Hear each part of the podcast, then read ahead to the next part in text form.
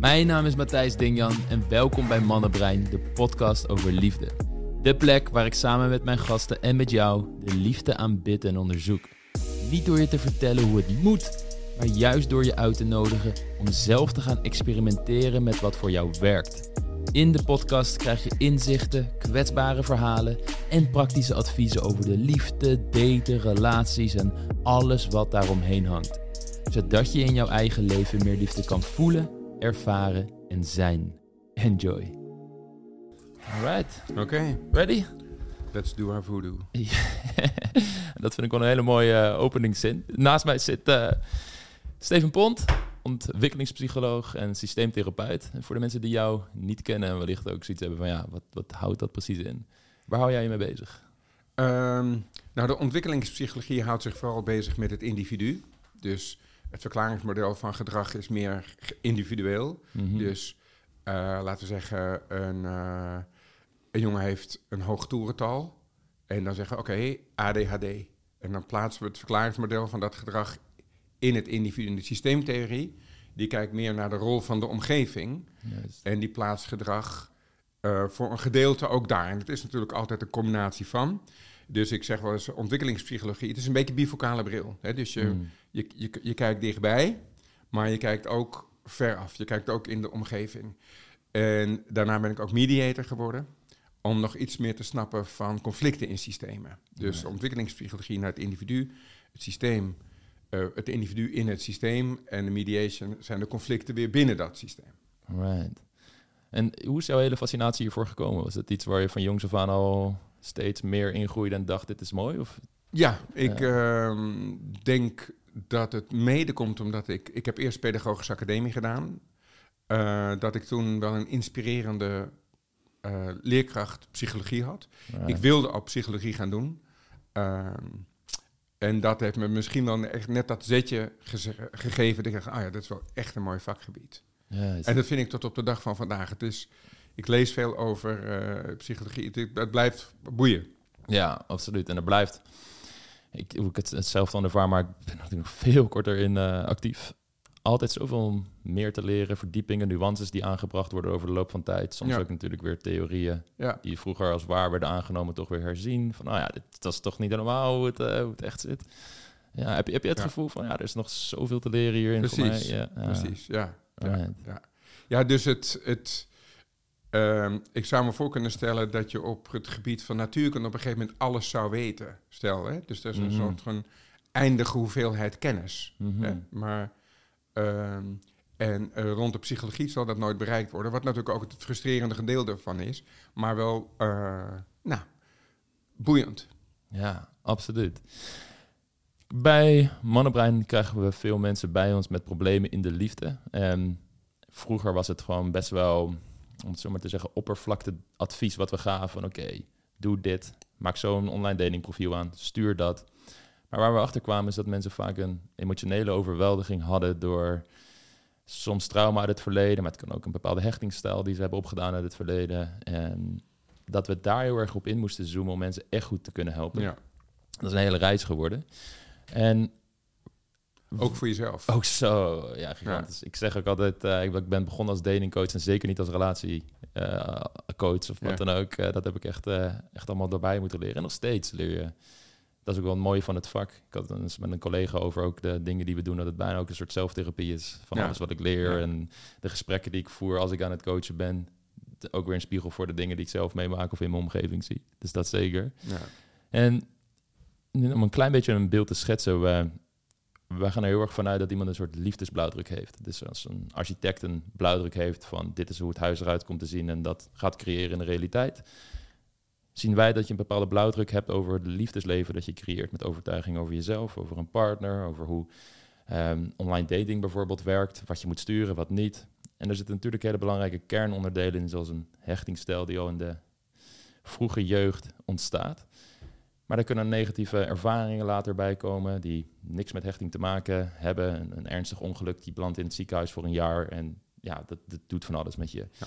Eh, relaties die daarna komen, ondanks dat je misschien veilig gehecht bent, er in je relatie toch allerlei ellende gebeurt. Die je hele zelfbeeld en je en de manier van hoe jij de liefde ervaart, toch wel een deukje geven. maar waarom ik zo blij ben dat, dat jij hier bent, is ik heb ook wat podcasts van je geluisterd. En de manier waarop je beschrijft hoe een, kind in de meest ideale situatie als het ware opgroeit om een veilige hechtingsstijl te ontwikkelen. En wat je als ouder er allemaal voor kunt doen. Ik denk dat het voor heel veel mensen heel fijn is om de informatie tot zich te krijgen, omdat ze hun eigen patronen beter gaan begrijpen. En vervolgens door middel van dat bewustzijn die patronen kunnen gaan veranderen.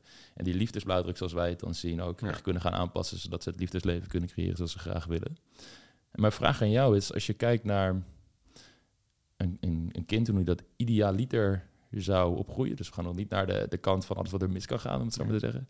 Hoe ziet dat eruit? Want voor veel mensen ook die naar onze podcast luisteren, die hebben bijvoorbeeld gewoon niet zo'n goed beeld van wat, wat is veilige hechting nou exact? Of weet je wel, hoe, ziet een liefdevolle relatie er, hoe hoort dat er nou uit te zien? Ja. Ja. Hoe zou jij dat beschrijven? Um, ja, je zou kunnen zeggen dat het, het, het zoet ligt altijd tussen twee zuren in. Hmm. Uh, en als je in de uiterste terechtkomt, dan wordt het zuur. En het zoet is altijd een gebalanceerde, gebalanceerd verhaal tussen twee dingen, hmm. die als je dat als enige doet, giftig is.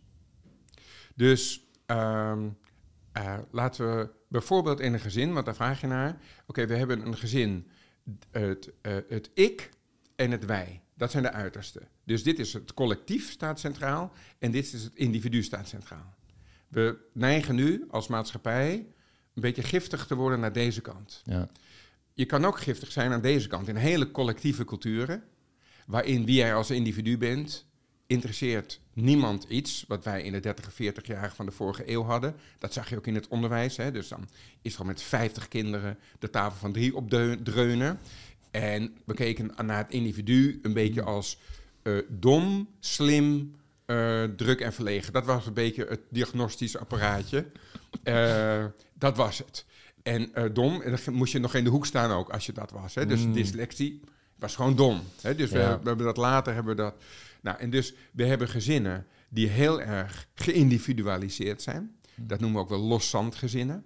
Waarin betekent, Matthijs, dat als ik ruzie heb met jouw broer en jij komt uit een loszand gezin, dan kunnen wij een biertje gaan drinken.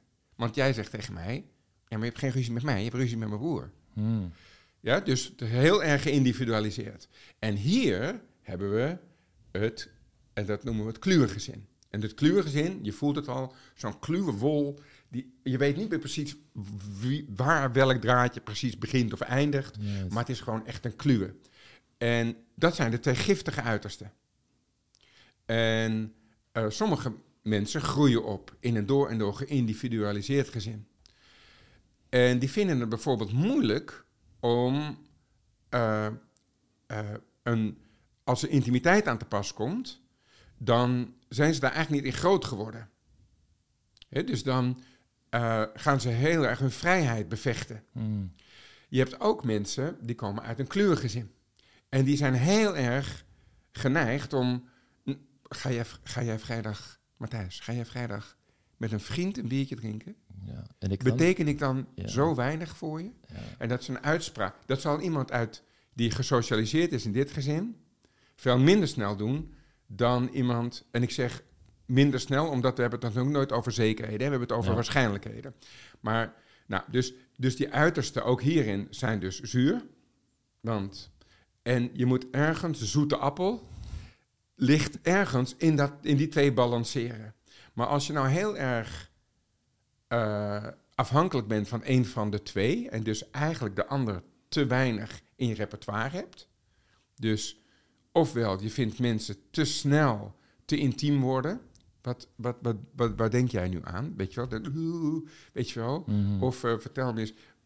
Uh, en de andere, nou, dat voorbeeld dat ik net gaf. En je gaat dan een partner zoeken. Dan wordt het ingewikkeld. Ik ken bijvoorbeeld een, een, een stel. Dus hij groeit op in een door en door geïndividualiseerd gezin.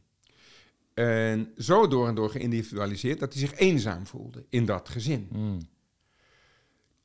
Hij leert een vrouw kennen, die komt uit een kluwig gezin. En hij komt daar binnen en hij wordt meteen verwacht. Hij, uh, als hij een keer niet meegaat, hé, hey, waar is hij? Weet je wel, want je hoort hem, om, het duurt even, maar als je erbij hoort, hoor je er ook helemaal bij. Ja. dus zij ook, als je dan uh, alleen naar je kamer gaat, in een kluwige gezin, zoals bij haar het geval was, vertelde ze, was er binnen twee minuten stond er een gezinslid. Ben je ziek? Waarom ben je alleen op je kamer? Want in een kluwengezin zit je allemaal beneden. Hmm. En je bent, je, eh, je, je tekst, hoe heet dat? Je sms't elkaar drie, vier keer per dag. En je hebt dat constant nodig. Dat gebeurt in een loszandgezin. Dan denk ik, Ja. wat doet Sam raar? Weet je wel? Een, een appje zomaar. Ja. En je appt als je in het ziekenhuis ligt. Begrijp je? Mm. Dan moet echt iets aan de hand zijn. Ja. Nou, en dus werd hij hier naartoe gezogen. Dus hij ging van het ene giftige eigenlijk naar het andere giftige, zou je kunnen zeggen, voor hem. Hè? ja. Dus sommige mensen zijn er helemaal blij mee, maar voor hem. eh, en eh, dacht, is getrouwd. Hè, want zo warm, zo warm. En toch uiteindelijk te kluwen. Dus Mhm. hij gaat meer naar zijn geïndividualiseerde kant. Daar is hij namelijk in gesocialiseerd. Dus eh, het was tijdelijk even een warm bad. Maar het werd ook snel een, he- een te heet bad eigenlijk. Van, ik kan helemaal niks. Eh, eh, je moet naar elke verjaardag, om maar eens wat te noemen. Ja. Ja. en, en, en gescheiden. Ja. Dus dat is een medicinale partnerkeuze. Wat we ook wel een neurotische partnerkeuze noemen. Ik weet niet of jullie het over neurotische partnerkeuzes Nee. hebben. Dus je, je partnerkeuze, van alle mensen die je, die je kunt kiezen, moet je ervoor zorgen, ook de mensen, jullie cursisten, noem je ze cursisten, hoe noem je ze? Ja, ik- Klanten. naar de podcast vooral luisteraars. maar Luisteren. ja, Oké. ja. Ja, maar gewoon, eh, hè, dus dat je op moet passen dat je partnerkeuze uit een soort, het liefst een soort authentieke hoek komt. Hmm. Want als hij niet helemaal authentiek is, zoals hier, hè, dus dat was een medicinale partnerkeuze. Ja. Dat is een neurotische partnerkeuze. Dus dat heeft niet. De, de andere is een medicijn voor iets wat je zelf mist. Juist. Als je dat niet oplost, als je dat niet echt helemaal doorleeft, dan krijg je dit soort dynamieken, waarin er uiteindelijk dus drie kinderen verder gescheiden wordt omdat het niet tot op dat niveau waarop jullie het met je cliënten hebt begrepen wordt Hmm. maar meer als een primaire reactie en denk dat dat liefde is. Juist. Maar je bent iets voor jezelf aan het oplossen binnen die partnerkeuze. D- dat is een heel groot punt wat wij heel veel tegenkomen. Ik ben wel benieuwd hoe je dat ziet.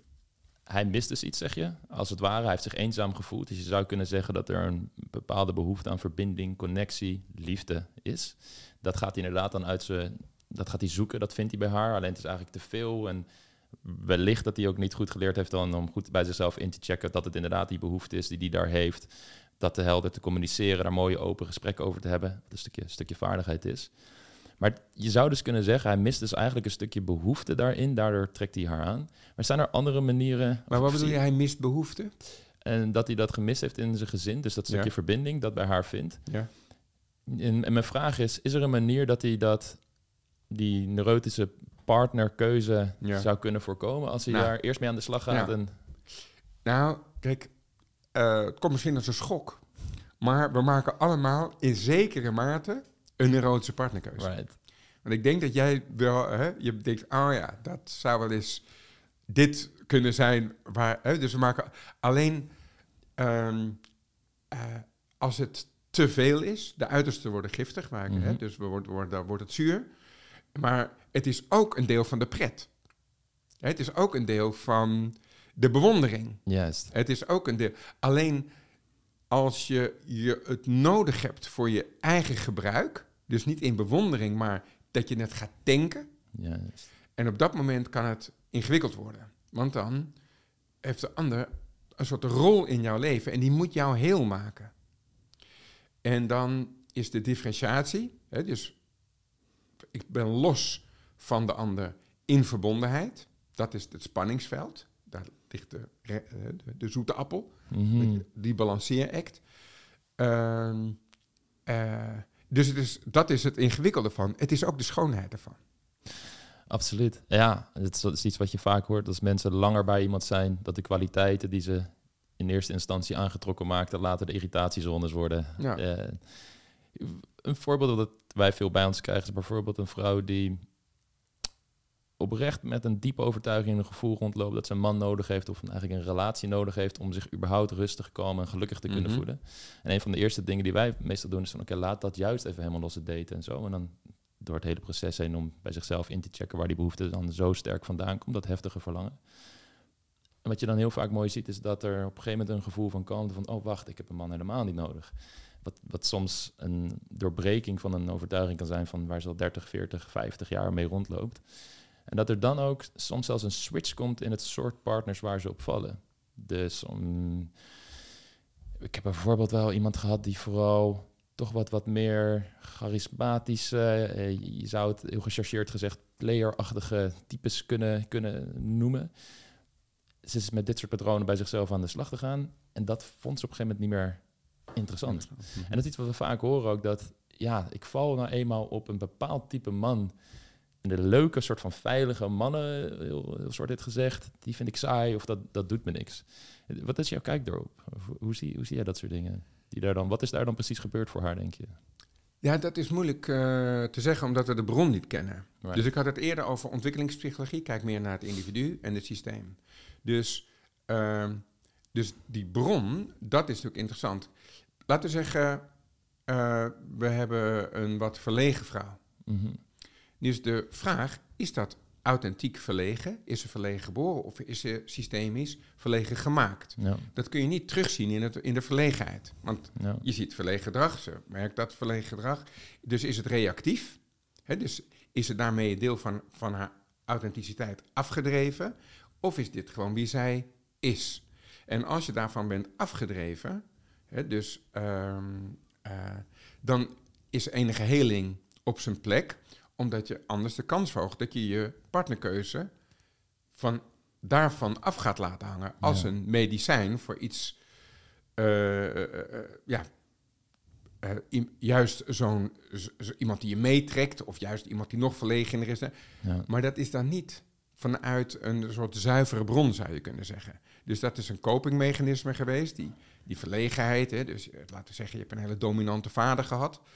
En uh, jij hebt als copingmechanisme gedacht, nou, ik verlaag mijn toerental. Ik ga gewoon, om die, laat die storm naar me overgaan. Ja. Maar patronen in relaties worden uiteindelijk patronen in individueel gedrag. En dan zeggen we, hè, dus als, als dat veel in de relatie gebeurt tussen haar en mm. haar vader, dan wordt dat een patroon. En zij internaliseert dat patroon mm. als deel van zichzelf. Later zegt zij zelf, of zeggen andere mensen, dat is jouw persoonlijkheid. Mhm. En dat is maar de vraag. Want daar, dat is de zoektocht. Ja. Is dat nou iets wat, wat... Er is niks tegen verlegenheid namelijk. Als jij authent... er is niks tegen, ik heb wat minder behoefte om op de voorgrond te treden. Het is gewoon een authentiek gevoel. Maar als het reactief is, ik heb geleerd om niet op de voorgrond te treden. En ik ben geknecht ik ben dus een dompteur bezig geweest. Mhm. En die heeft dit in mij veroorzaakt dat ik door dat hoepeltje ben gaan springen. Zijnde in dit geval mijn vader, bijvoorbeeld, van die vrouw. Dan is er wel wat werk aan de winkel misschien. om, om dat terug te vinden en te experimenteren met terug naar het kanaal van... als ik dus een wat hoger toerental aan ga nemen... verlies ik niet mijn authenticiteit, wat het zou zijn als het authentiek is. Want dan ga je over. Maar het is wel de, de, terugtocht naar iets wat bij hoort. Juist. Je komt bijna op de filosofie, want je zegt van wat is dan, wat hoort dan werkelijk bij je? Ja. En dat is heel erg uh, ingewikkeld, maar meestal denk ik dat je dat wel voelt. Dat je voelt of je over je grenzen gaat, of dat dit dus dat je ergens van af wordt geduwd en de daarom doet of dat je daar werkelijk wil zijn. Hmm. Dat is een verschil. Ja, absoluut. En Cabermate uh, noemt dat zo mooi, authenticiteit versus hechting. Dus inderdaad een stukje authenticiteit dat je kan opofferen of veranderen of in kan aanpassen om maar de relatie, in dit geval dan een vader, goed te houden. Uh, ik, ik, ik ben maar ook dat doen we allemaal. Dus ja, dat is, ja. En dat maakt het ingewikkeld en zal het nooit natuurkunde worden. Ja. Want het is altijd een allerlei krachten die bij elkaar in een emmertje gaan. Ja. En zeg ik, daar onderaan dat emmertje zit een kraantje. En daar komt gedrag uit. maar al die ingrediënten, die kunnen we heel moeilijk weer terugvinden in dat zit erin, dat zit erin. En zelfs als je de ingrediënten, ingrediënten terugvindt, weet je niet de mate waarin ze in dat emmertje. Want ze interacteren ook nog eens in dat emmertje. Ja, ja, ja, ja. ja. Nee, absoluut. En het, is, het is wel een heel interessante wat je zegt. Meestal voel je dat. En wij krijgen ook veel mensen bij ons die juist een beetje het gevoel proberen weg te stoppen als copingmechanisme. Ehm, en het lastig vinden om nou echt aan te voelen van wat vind ik nou ergens van. Um, een heel praktisch voorbeeld was een, uh, een, vrouw die bij ons kwam en een vrij dominant slash agressieve vader. Soms als hij thuis kwam van werk, dan moest ze ook naar haar kamer, zodat hij uh, gewoon levensding kon doen. Hij moest van moeder dus weg, want dan val je vader niet lastig. Ja, er was, er was geen emotionele afstemming op het kind. Dus ze vinden het heel lastig om nou te ervaren van, ja, wat wil ik nou eigenlijk? Want ik Mhm. ben helemaal Ja. ja, afgesteld op wat anderen in Ja. mijn omgeving willen. En wat ik zelf voel, is, is heel lastig. En dan is grenzen aangeven bijvoorbeeld heel moeilijk. Omdat, of, of weet of ze een man überhaupt leuk vindt, ja of nee. En allemaal van dat soort problemen liep ze dan... Ja, grenzen aangeven is al moeilijk, maar grenzen voelen is al moeilijk. ja, precies. Dus Als die stap die, daar, Ja, die, die daar nog voor want zit, is... aangeven is de vaardigheid, Ja, maar dat je, je, dat je voelt, eh, dat is dan Ja. de eerste halte. ja. Absoluut. Je, kan je daar misschien iets, iets meer over uitweiden over? Want dit is iets waar veel mensen zich in herkennen. En wellicht hoe dit soort patronen dus eh, ontstaan. Dat je wellicht het ook lastig vinden om te gaan voelen. En ook dingen die je daarin kunt doen om weer dat meer in contact te komen met het gevoel. Zodat je ook kunt gaan onderzoeken wat is nou authentiek gedrag. Of wat, iets wat me fijn, wat me helpt als het Ja. ware. Of dingen die me tegenstaan. Ja. Nou ja, ehm, ik geloof er wel in. Ik ben, ik ben eh, geen lichaamswerker, maar het lichaam liegt niet. Hm. Hè, dus ehm, je voelt, en dat is het onbenoembare gedeelte bijna, of je, ik denk wel dat je kunt voelen of de richting die je uitgaat, of, of die bij je past of niet. En we hebben in ontwikkelingspsychologie Lev Vygotsky. Vygotsky is een Rus. Ehm, en die heeft het, en, en dan neem ik de definitie even ruim, die heeft het over de zone van naastgelegen ontwikkeling. En de zone van naastgelegen ontwikkeling is dat je hebt een, een gebied dat je beheerst, waar je je veilig voelt. Wat niet wil zeggen dat het gezond is, maar je voelt je er veilig. Je, je, je beheerst het. Je weet wat daar gebeurt. Ehm, voor sommige, nou daar komen we misschien straks. Dus eh, dat is veilig. Dat is een afgegrensd gebied. En daarbuiten voel je je niet veilig. En Vygotsky zegt, nou, er is een zone van naastgelegen ontwikkeling. En dat is eigenlijk de eerste stap buiten je veilige gebied. Hm. Dus dit, die grenst er aan. Waarbij je misschien met één been nog in je veilige gebied staat en met één been alvast daar. En het gaat dus vooral eh, om richting en niet zozeer om snelheid. Dus voelt die richting goed. Snelheid komt wel. Als de richting, als je denkt, ja, dan. Hm. Dus je moet niet zenuwachtig worden rond snelheid. Je kunt beter eerst drie, vier keer wat richtingen uitproberen, Hm. dan dat je denkt, maar ik wil over drie weken daar zijn. Dus, eh, dus ook in wat jullie hier doen, denk ik, ehm, wil niet. snelheid verliest het van de goede richting. Juist. Maar er is, er is eh, ongeduld natuurlijk. Ja. Van, ja, maar ik wil diegene ontmoeten, weet je? Ja, maar doe dat eerst vanuit een, een, dat, je, dat dat gebied waarvan je dat uitdoet, dat dat bij je past. Zodat je ook weet dat je partnerkeuze niet neurotischer is dan strikt noodzakelijk om het leuk te hebben met elkaar. Juist, dat, dat is een belangrijke nuance in dan strikt noodzakelijk inderdaad. En dat is ook wel een vraag die we veel bij ons krijgen. Van, ja, hoe weet ik nou of ik überhaupt klaar ben om een, even tussen aanhalingstekens, veilige, hechte relatie aan te trekken en een, een succesvolle relatie, een duurzame relatie. Of dat ik nog steeds vanuit een liefdesblauwdruk handel, dat ik partners aantrek die wellicht zelf eh, ook een neurotische ko- partnerkeuze met mij maken, hè, omdat ik nog allemaal dingen in me meedraag Ja, waar ik blinde vlekken voor heb. Wat zou je advies voor hun zijn? Hoe, kun, hoe weet je dat nou eigenlijk? Wat zijn de dingen waar je op zou kunnen letten of je meer richting veilige hechting gaat zonder Ja. dat het een soort aan, op, aan of uitknop is ja. die je even hebt? Nou, het, het vreemde feit doet zich voor dat onze omgeving kent ons beter dan we onszelf kennen. Dus als je Hmm. daarover twijfelt en je hebt één, twee mensen die dichtbij je staan, om die mee te nemen en vragen ze eerlijk te zijn eh, in dat proces. Dus ehm, ik zou dat ook aanraden als je hier, eh, als je jullie, jullie, jullie traject doorgaat, om wie is diegene?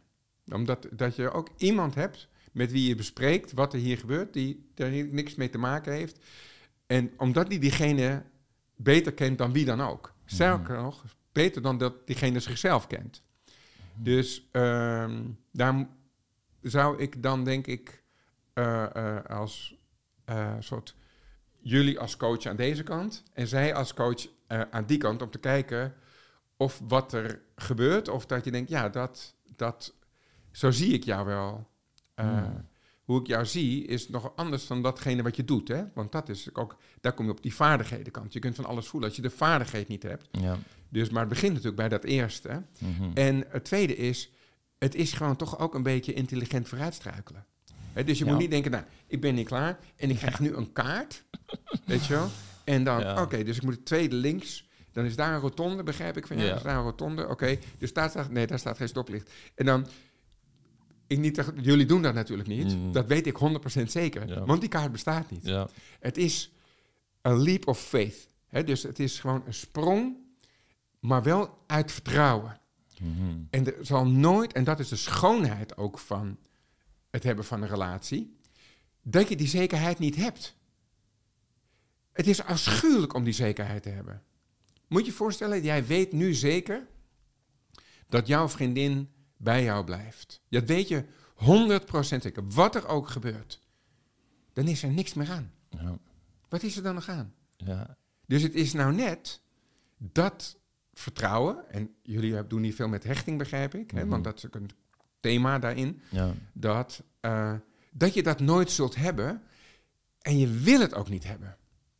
Die zekerheid. Je wil dat vertrouwen en die onzekerheid in je relatie houden. Ja. Maar het moet niet giftig worden. Dus hier zit de totale onzekerheid, hier zit de totale zekerheid. Allebei giftig. ja. onzekerheid hoort bij een relatie. Namelijk, je zou bijna kunnen zeggen dat jouw vriendin één keer per jaar, eh, of dat jullie de dag voor kerst met z'n tweeën uit eten gaan en zeggen: Oké, gaan we nog een jaar door? Het evaluatiegesprek. Ja. Nee, nee, ja, maar dat ga- is er nog, die onzekerheid, ja, dat is toch ook waardoor het spannend is. Absoluut. Absoluut. En ik, als ik het dan inderdaad persoonlijk hou, dan heb ik ook het gevoel dat ik daardoor mezelf blijf ontwikkelen. ehm, blijf kijken naar wat dingen in mezelf zijn die, Ja. waar ik in kan groeien. En Want dat je zorgt ook- moet Ja. dit als thema houden, omdat Ja. het niet een gegeven is. Kijk, stel, hoe heet je, hoe heet je vriendin? Lara. Lala. Lara. Lara, oh, sorry, Ja. Lara. Stel, d- jij krijgt te horen dat Lara eh, blijft bij jou, omdat er een, is een beetje een cru voorbeeld, ik vind het de plekken, zoals zoveel, maar even, eh, dat je, je begrijpt dat, dat, dat, er een, eh, dat, er een eind aan haar leven gemaakt zal worden als zij niet bij jou blijft. Hmm. Dan denk je toch, dan is het meteen niks meer waard, toch? Ja. Ja. Helemaal niks meer waard. Ja. En dan is Waarom is dat, denk je? Waarom is die onzekerheid daar zo belangrijk in? En waarom zou het com- complete zekerheid alles, alles, weg, alles weghalen? Nou, eh, ik denk ehm, dat eh, te veel spanning, te weinig spanning in een relatie is niet goed. Te veel spanning in een relatie is ook niet goed. Juist. We hebben weer de gezonde appel in het midden liggen. Juist. De zoete appel. Dus wat wil dat Ja. zeggen?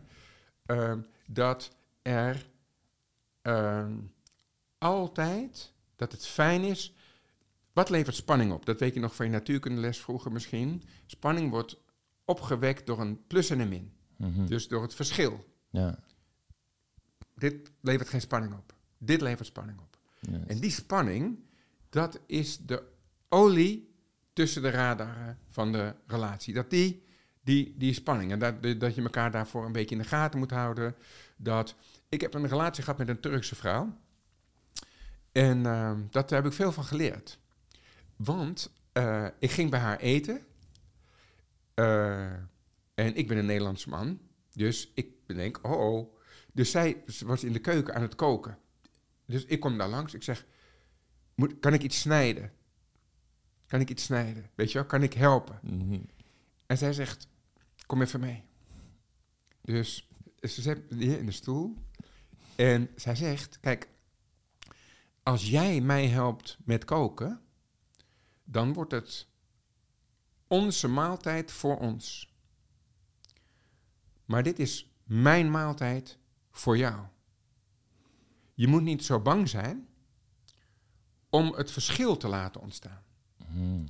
En toen heb ik geleerd, ik weet niet of Lara het hiermee eens gaat zijn, maar dat als je partner zegt ik hou van jou, om niet te zeggen ik ook van jou. Want daarmee haal je het helemaal weg. Je maakt gewoon 1-1. Terwijl als je partner zegt ik hou van jou en je zegt wauw, wat fijn om te horen. Mhm. Dan blijft de spanning ontstaan. Het, ga, ga eens bij, ik weet niet of je dat, we doen het allemaal, het is heel Nederlands.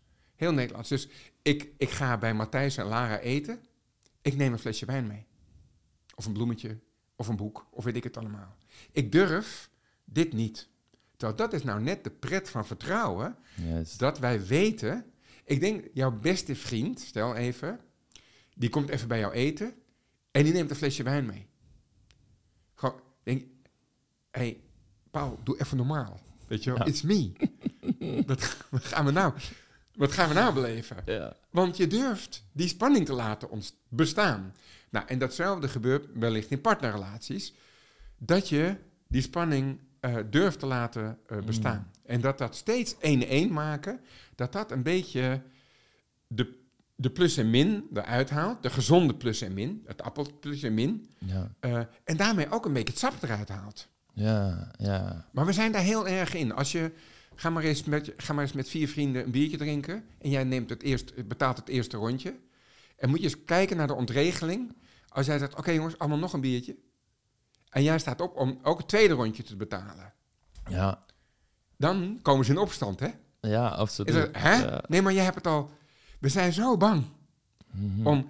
Terwijl je zou kunnen zeggen, ja, ik doe nu het tweede rondje. En we hebben zoveel vertrouwen in elkaar. Dat de volgende keer doe jij dat. Of het maakt niet uit. Want wij blijven zo lang bij elkaar.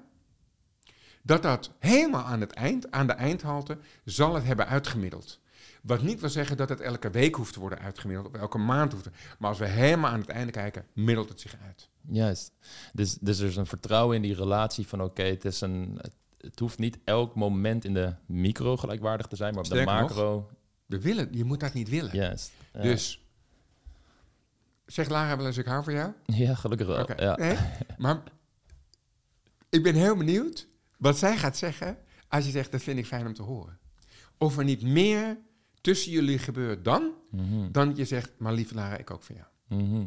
Dus dat is mijn huiswerk aan jou, Matthijs. Ik ga, ik ga het zeker meenemen. Voordat ze deze podcast, de kans Ja, krijgen om ja, deze podcast te luisteren, ga, ik, ja. ga ik dit doen. Ja, Ja, mooi. Het is, het is ook een, met, ehm, met aantrekkingskracht iets veel wat veel mensen ervaren tijdens het daten. Ze willen veiligheid ervaren en bevestiging dat die ander hen leuk vindt. En daardoor zie ik ze bijvoorbeeld juist een beetje dat spanningsveld doodslaan. Ja. Want ze willen heel graag dat het goed Ja. zit. Dus ik verklaar nu mijn liefde aan jou, ik verklaar je Ja. terug. Want ik wil geen emotionele pijn oplopen dat het toch op niks uitloopt. Ja. Ik zie er zo'nzelfde soort, soort veld inderdaad. Ja. ja, ik ben er wel voor om al vrij snel in de relatie ook de hoekige kant te laten zien. Wat bedoel je met hoekige kant? Nou, we hebben allemaal een, een wat rondere kant en wat hoekige kant. Tenminste, zo, ik, ik, je- ik denk heel erg in beelden en Mm. dat, dat is nu eenmaal... Dus we hebben allemaal de wat, wat rondere kant en de wat hoekige kant, ook qua taal. Hè, dus, ehm, eh, en dat de, de kant, de niet zo fraaie kant, als je die te lang bewaart. Zo, dan eh, denken mensen, hè, wat? Oh, en dan denken ze dat de relatie verslechtert. Eh, alleen je hebt op je tenen gelopen. Ja. En Confucius zei al, wie op zijn tenen loopt, loopt nooit lang. Dus je kan op je tenen lopen, maar je kan niet een hele relatie op je tenen lopen. Dus om ook al vrij snel eh, duidelijk te maken wat je niet leuk vindt of wat. Of, want het gaat er toch van komen. Ja. Dus ehm, als, als je die test doorstaat, dus dat je niet alleen maar de ik laat zien, maar ook de wat hoekiger, die we allemaal ook in ons hebben. En als je dan bij elkaar blijft, kijk, in, in verliefdheid laten we alleen die ronde kant zien. Mhm. En ik vraag me af of dat verstandig is. Helemaal mee eens. Het is een van de belangrijkste dingen die mensen bij ons komen aan het begin, die we proberen aan te leren. Van hey, vermijd de spanning van moeilijke gesprekken niet, maar, maar ook moeilijke vragen niet. Ja. En vaak zijn mensen bang voor natuurlijk de wat als, maar wat nou als ik dit gesprek ga? Wat nou als ik vraag, hey, hoe zie jij mij eigenlijk? Ja. Hoe zie je dit eigenlijk? En dat we dan een antwoord krijgen die een hele fantasie, dat het wellicht een goede kant op gaat met deze persoon, opeens laat, uiteen laat spatten.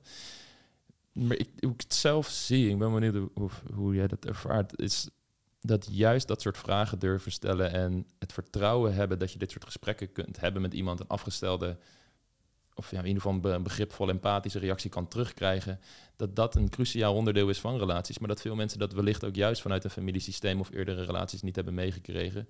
Of Dus niet meer dat- durven. Juist, en, en niet, of gewoon inderdaad, zonder dat er bepaalde ervaringen zijn, wellicht niet de moed of de vaardigheid hebben ontwikkeld om Ja. dat te doen.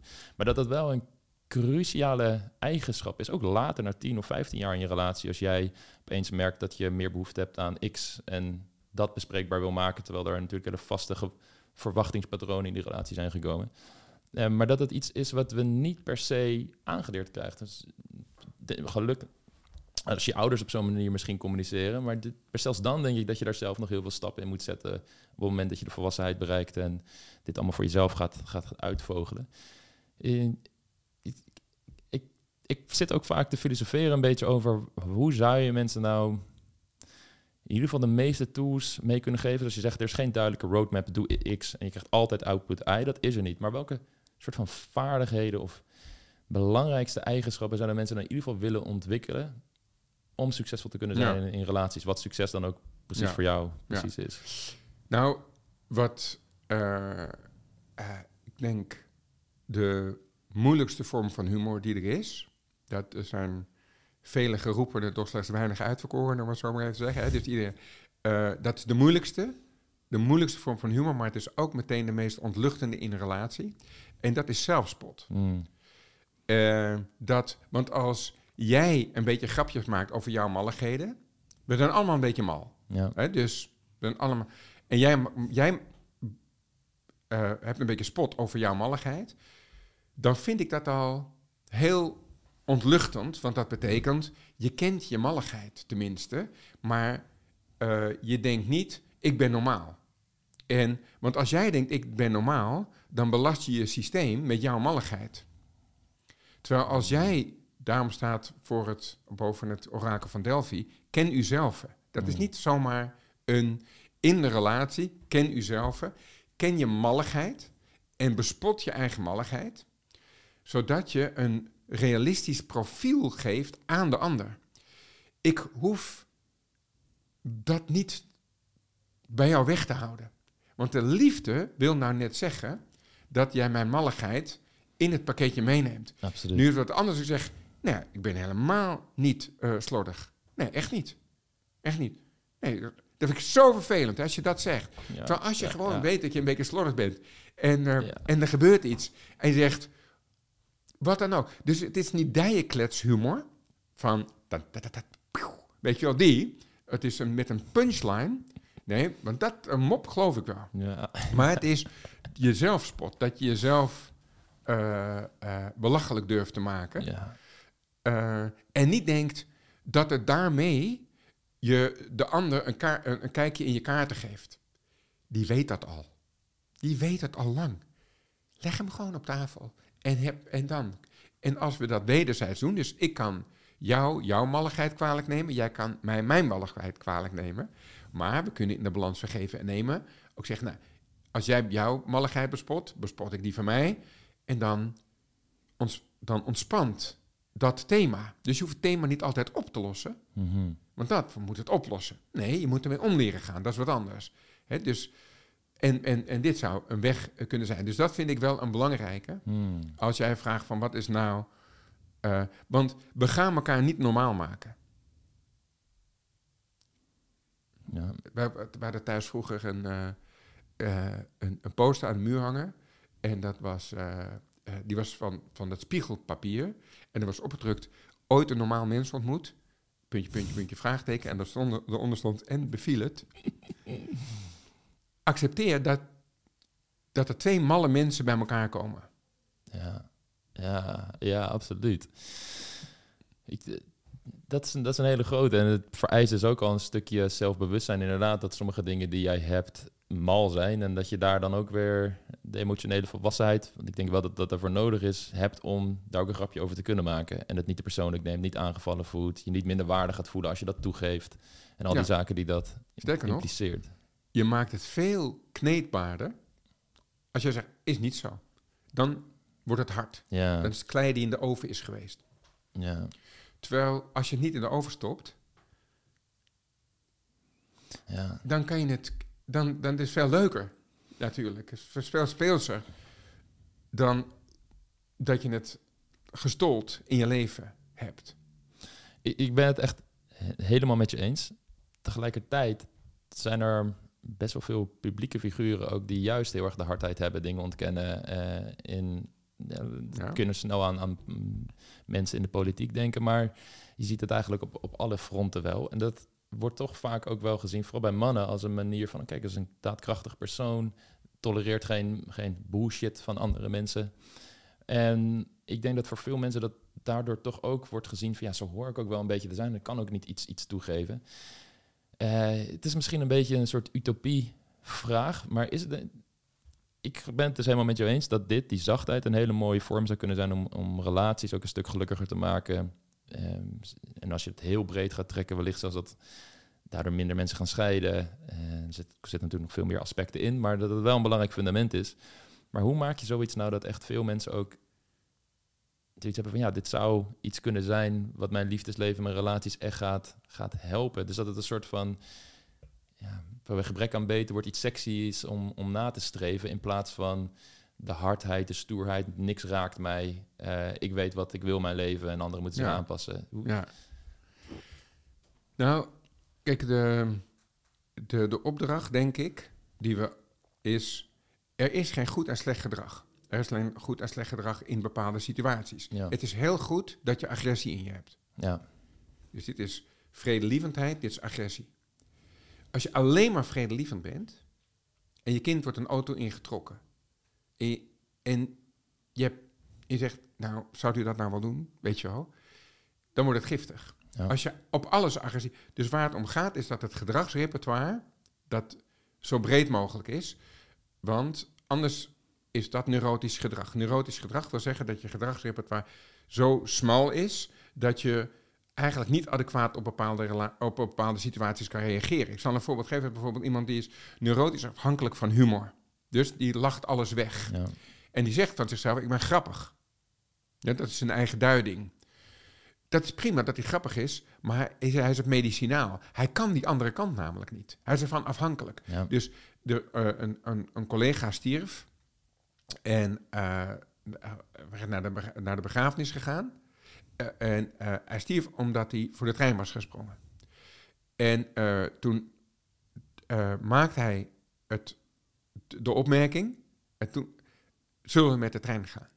En dan weet je dat het gedragsrepertoire te Mhm. nauw is. Dat je niet snapt dat in deze situatie, dan ben je dus afhankelijk van dat, van dat ene soort gedrag. Van die ene soort. En als je afhankelijk bent van één soort gedrag, dan wordt het hebben van een relatie met iemand ook ingewikkelder. Want die moet dan maar net in, ook in dat kanaaltje jou bereiken. Terwijl als het gedrag. Is heel goed als je heel stevig bent. Maar niet als je ervan afhankelijk bent en deze kant niet ook ontwikkelt. Het is heel goed dat je gevoelig bent. Maar het is echt niet goed als je die stevige kant niet ook in je gedragsrepertoire hebt. Dat maakt het leven ingewikkeld. Van hoe krijg je nou een zo breed mogelijk gedragsrepertoire, zodat je op elke situatie adequaat kan reageren. Dus er zijn geen slechte emoties, er is geen slecht gedrag. Het is alleen een match met de situatie. En eh, eh, het is een beetje dat je in al die valuta in je portemonnee wil hebben als je niet weet in welk land je terechtkomt. Anders ga je met de verkeerde valuta in het verkeerde land betalen. Begrijp je een beetje wat ik bedoel? Ja, absoluut. Ja. Dus, het is, dus dat repertoire van, de, van wat je in je portemonnee hebt zitten qua gedrag. Want de ene keer zit je in dat land in de, de ene keer dat, die situatie, die situatie. En als je dan, nou, dus dat is niet eenvoudig. Maar als je merkt, ik ben heel vaak hoekig, dan kun je zelf de opdracht geven om die ronde kant wat meer te ontwikkelen. Als je denkt, ik ben eigenlijk alleen maar aan het pleasen, dan wordt het giftig, want dat gaat naar het uiterste toe. Denk ik, nou, ik moet grenzen durven aangeven. Ik moet ze eerst voelen en dan leg ik hier de vaardigheid. Hè, dus hoe doe ik dat dan op een niet-agressieve manier? Hè, Mhm. Ja. Ik, ehm, kijk, jij, houdt je hier, je, je bent hier veel mee bezig. En dat geeft je ook ergens een bevoorrechte positie om het te zeggen dat je tijd hebt om over dit soort concepten na te denken. Het kunt, eh, er veel mee bezig kunt zijn. En ik kan me voorstellen dat veel andere mensen die wellicht een hele andere jeugd hebben gehad, andere manieren zijn opgegroeid, eh, gewoon al veel met een totaal ander soort baan bezig zijn. En dan in een vrije tijd ook nog met andere dingen bezig zijn. Dat ze minder in contact komen met dit soort concepten. En het dus wellicht vanuit hunzelf zouden moeten gaan opzoeken. door bijvoorbeeld naar podcasts te luisteren of wat dan of therapie te gaan.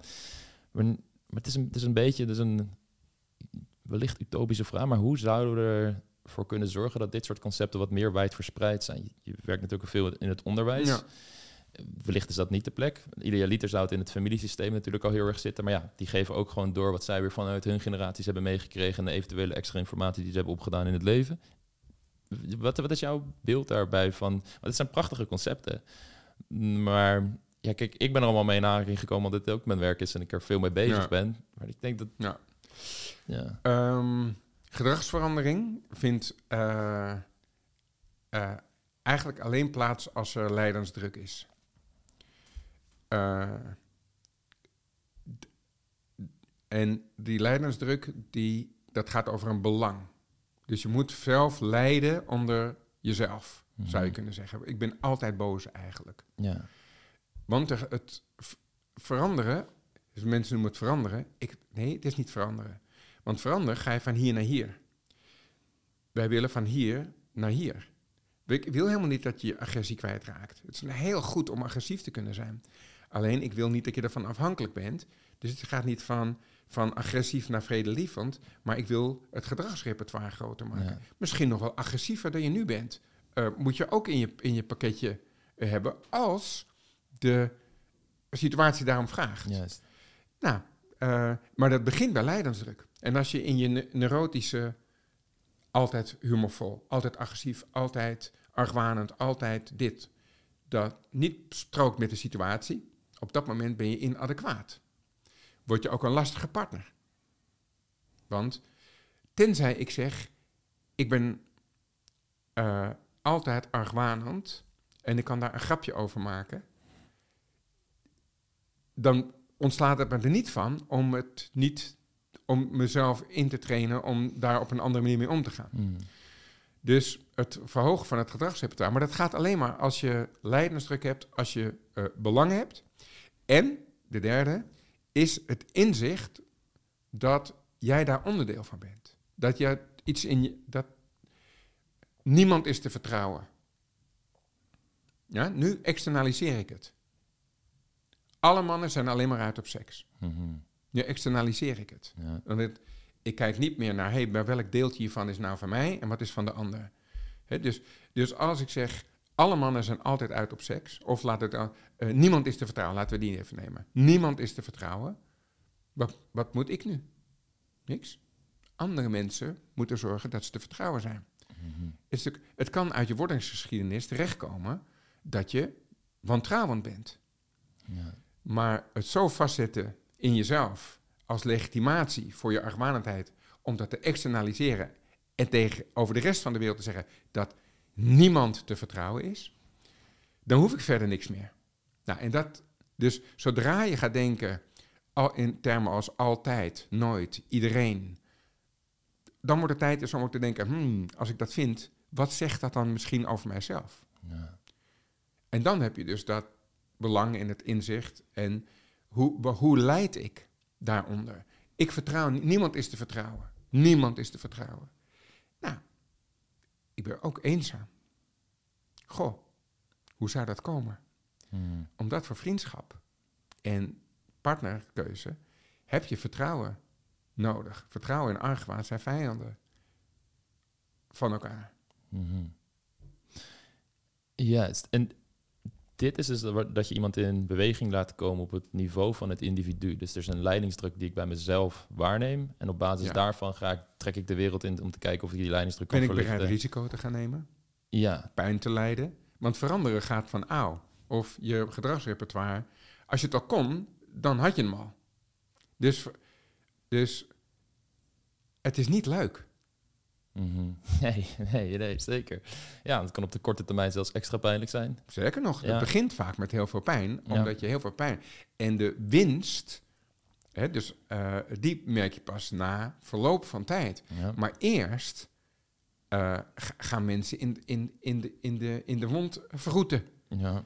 Ja, dus het begint altijd met meer pijn dan je lief is. Alleen de belofte is dat het einde van die pijn. Stel je hebt een, een, een, een, een wond en er zit vuil in die wond. Wat is een, e- het eerste dat een arts gaat doen? Het schoonmaken van die wond. Doet dat Ja. En wat doet dat? Pijn. Meer pijn Ja. dan de wond, hè? Absoluut. Ja. Dus je denkt, ei. En daar, hè? Dus, eh, doe- en dus leven mensen soms liever met de vervuilde wond dan met de schoongemaakte wond. En als de, als de wond heelt, zal je altijd een litteken blijven zien. Ja. Dus het gaat nooit weg, maar het kan wel een schone wond worden. Nu heb je de, dus de, de, de, de belofte van de schone wond. En hier heb je de vervuilde wond. Maar dat schoonmaken is niet leuk. Absoluut, absoluut. Ja, en sommige mensen die kunnen, gaan de pijn liever zo dusdanig uit de weg. Wat we allemaal op bepaalde gebieden nog steeds doen. Eh, maar eh, ja, je kan doodgaan of er manieren vinden om daarmee om te gaan. Om het niet te voelen. Oh, ik, ik ga gaan hinkend door het leven vanaf nu. Ja. Bij wijze van spreken. Ja. Maar dit, waar ik een beetje op doe, is dit is nog steeds het niveau van het individu. Dus ik ervaar pijn, daardoor ga ik de wereld intrekken om te kijken of ik daar wat aan kan doen. Wellicht zit je in een systeem van ouders of vrienden, misschien zelfs collega's die iets bij jou opmerken, dapper genoeg zijn om je te feedback te geven, zonder dat ze je proberen te fixen of wat dan ook. Maar ik zit meer van, ehm, bijvoorbeeld, we leren allemaal gewoon Nederlands. Dat is iets wat we Ja. leren. En ik, bepaalde principes, zoals dit soort patronen bij jezelf kunnen herkennen of er überhaupt mee bezig Ja. zijn. Ik ben- ben heel erg nieuwsgierig wat jouw kijk is of we dat op een bepaalde manier aan de jeugd meer zouden Ja. kunnen meegeven. Ja, nou, je zit hier recht in mijn. Kijk, het, eh, ik vind dat dit op scholen. Er zijn een aantal vakken eh, die we los zouden kunnen laten. Ik laat even los welke dat zijn, maar er zijn een aantal vakken die we los zouden kunnen. Er zijn ook een aantal vakken die we in binnen zouden kunnen. Ik heb in Amerika op school gezeten. Toen ik 17 was, ben ik naar Amerika gegaan. En heb een laatste jaar high school gedaan. En dan kreeg ik een vak personal management.